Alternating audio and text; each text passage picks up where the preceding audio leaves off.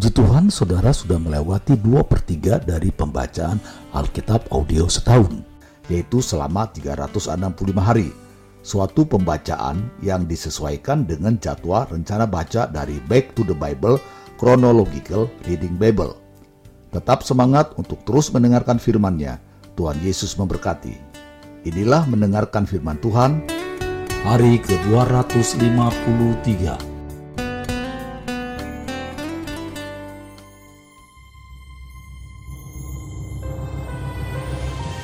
Yehezkiel pasal 42 ayat 1 sampai 14. Bilik-bilik untuk imam-imam.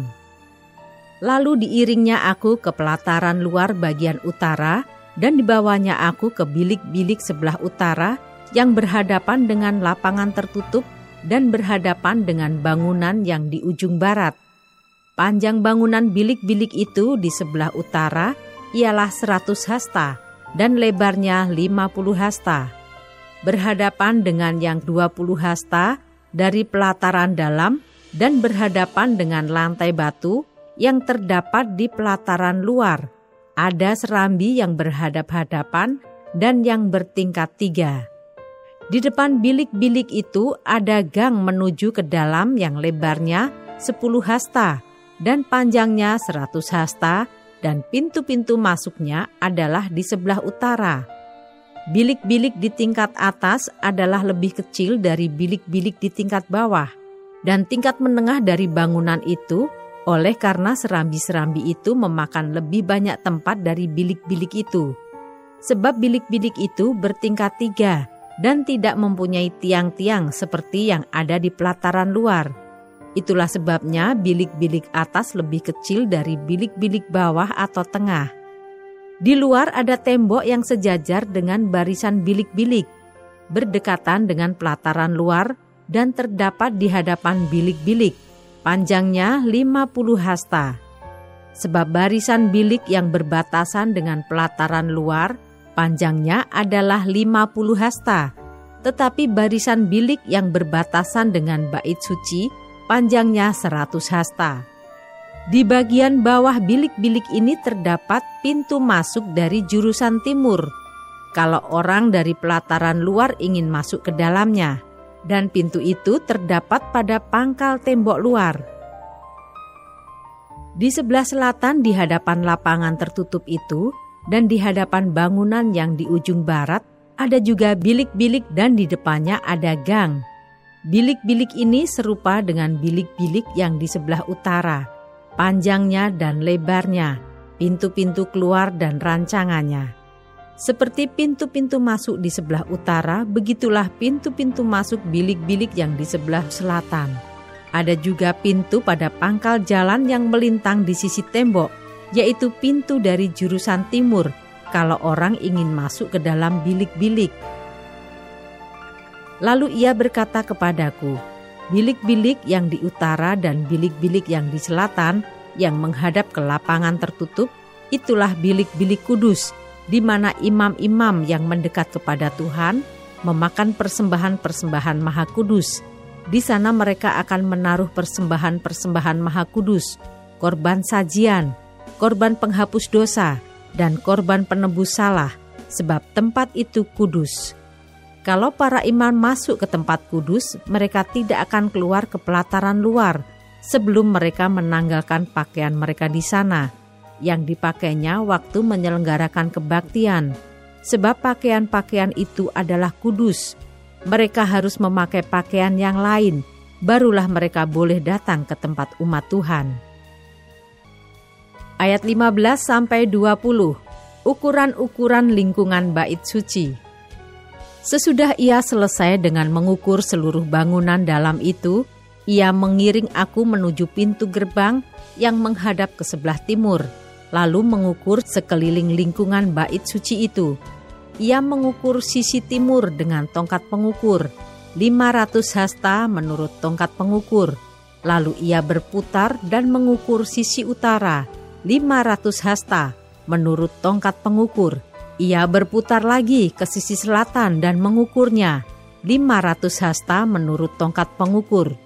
Kemudian ia berputar ke sisi barat dan mengukurnya, 500 hasta menurut tongkat pengukur. Keempat sisinya diukur. Sekeliling lingkungan itu ada tembok. Panjangnya 500 hasta dan lebarnya 500 hasta untuk memisahkan yang kudus dari yang tidak kudus. Yehezkiel pasal 43 ayat 1 sampai 12. Tuhan kembali ke bait suci dalam kemuliaan Lalu dibawanya aku ke pintu gerbang, yaitu pintu gerbang yang menghadap ke sebelah timur. Sungguh kemuliaan Allah Israel datang dari sebelah timur, dan terdengarlah suara seperti suara air terjun yang menderu dan bumi bersinar karena kemuliaannya. Yang kelihatan kepadaku itu adalah seperti yang kelihatan kepadaku ketika ia datang untuk memusnahkan kota itu, dan seperti yang kelihatan kepadaku di tepi sungai Kebar, maka aku sembah sujud. Sedang kemuliaan Tuhan masuk di dalam bait suci melalui pintu gerbang yang menghadap ke sebelah timur. Roh itu mengangkat aku dan membawa aku ke pelataran dalam. Sungguh bait suci itu penuh kemuliaan Tuhan. Lalu aku mendengar dia berfirman kepadaku dari dalam bait suci itu. Orang yang mengukur bait suci itu berdiri di sampingku. Dan ia berfirman kepadaku, Hai anak manusia, inilah tempat tahtaku dan inilah tempat tapak kakiku. Di sinilah aku akan diam di tengah-tengah orang Israel untuk selama-lamanya dan kaum Israel tidak lagi akan menajiskan namaku yang kudus, baik mereka maupun raja-raja mereka, dengan persundalan mereka atau dengan mayat raja-raja mereka yang sudah mati. Juga tidak dengan meletakkan ambang pintu mereka dekat ambang pintuku, atau mendirikan tiang-tiang pintu mereka dekat tiang-tiang pintuku, sehingga hanya dinding yang memisahkan aku dari mereka.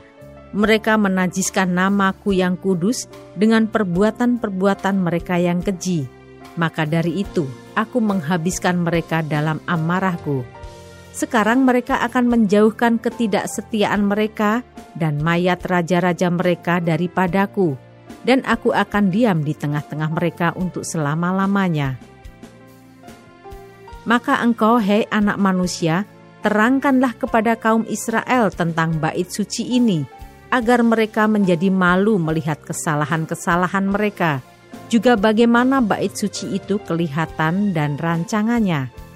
Dan kalau mereka merasa malu melihat segala sesuatu yang dilakukan mereka, gambarlah bait suci itu, bagian-bagiannya, pintu-pintu keluar dan pintu-pintu masuknya, dan seluruh bagannya. Beritahukanlah kepada mereka segala peraturannya dan hukumnya, dan tuliskanlah itu di hadapan mereka, agar mereka melakukan dengan setia segala hukumnya dan peraturannya. Inilah ketentuan mengenai bait suci itu. Seluruh daerah yang di puncak gunung itu adalah maha kudus. Sungguh Inilah ketentuan mengenai bait suci itu. Ayat 13 sampai 27. Ukuran-ukuran mesbah dan pentahbisannya.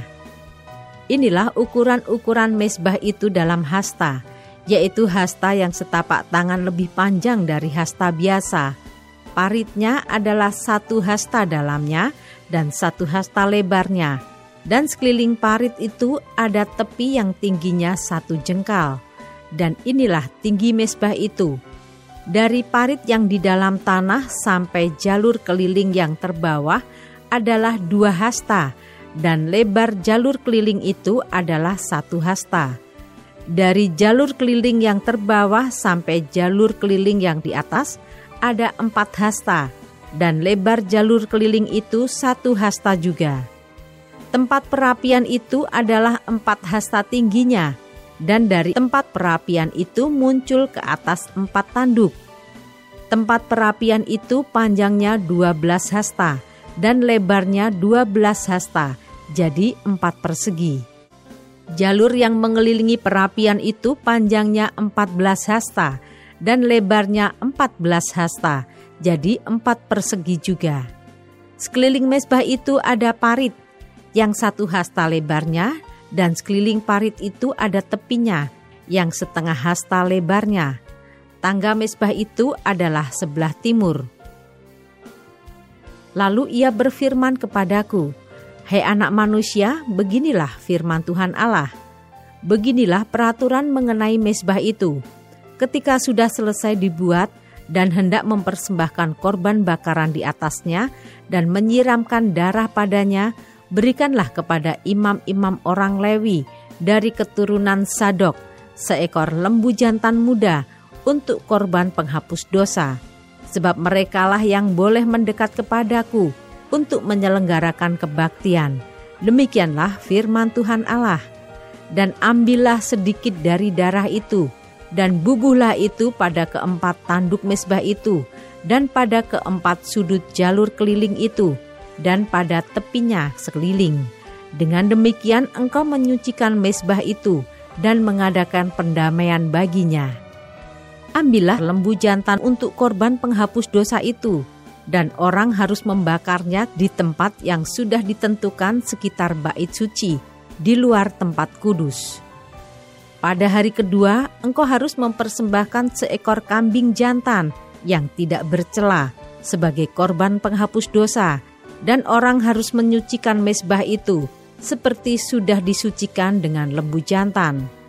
Sesudah upacara penyucian itu engkau selesaikan, engkau harus mempersembahkan seekor lembu jantan muda yang tidak bercela dan seekor domba jantan dari antara domba-domba yang tidak bercela. Engkau harus membawanya ke hadapan Tuhan, dan imam-imam harus menaburkan garam ke atasnya dan mempersembahkannya sebagai korban bakaran bagi Tuhan. Selama tujuh hari engkau harus mengolah setiap hari seekor kambing sebagai korban penghapus dosa, harus diolah juga seekor lembu jantan muda dan domba jantan dari antara domba-domba yang tidak bercela. Tujuh hari lamanya mereka harus mengadakan pendamaian bagi mesbah itu serta mentahirkannya, dan dengan demikian mentahbiskan mesbah itu. Sesudah hari-hari itu berakhir, maka pada hari ke-8 dan seterusnya, imam-imam akan mengolah korban-korban bakaranmu dan korban-korban keselamatanmu di atas misbah itu, dan aku akan berkenan kepada kamu. Demikianlah firman Tuhan Allah.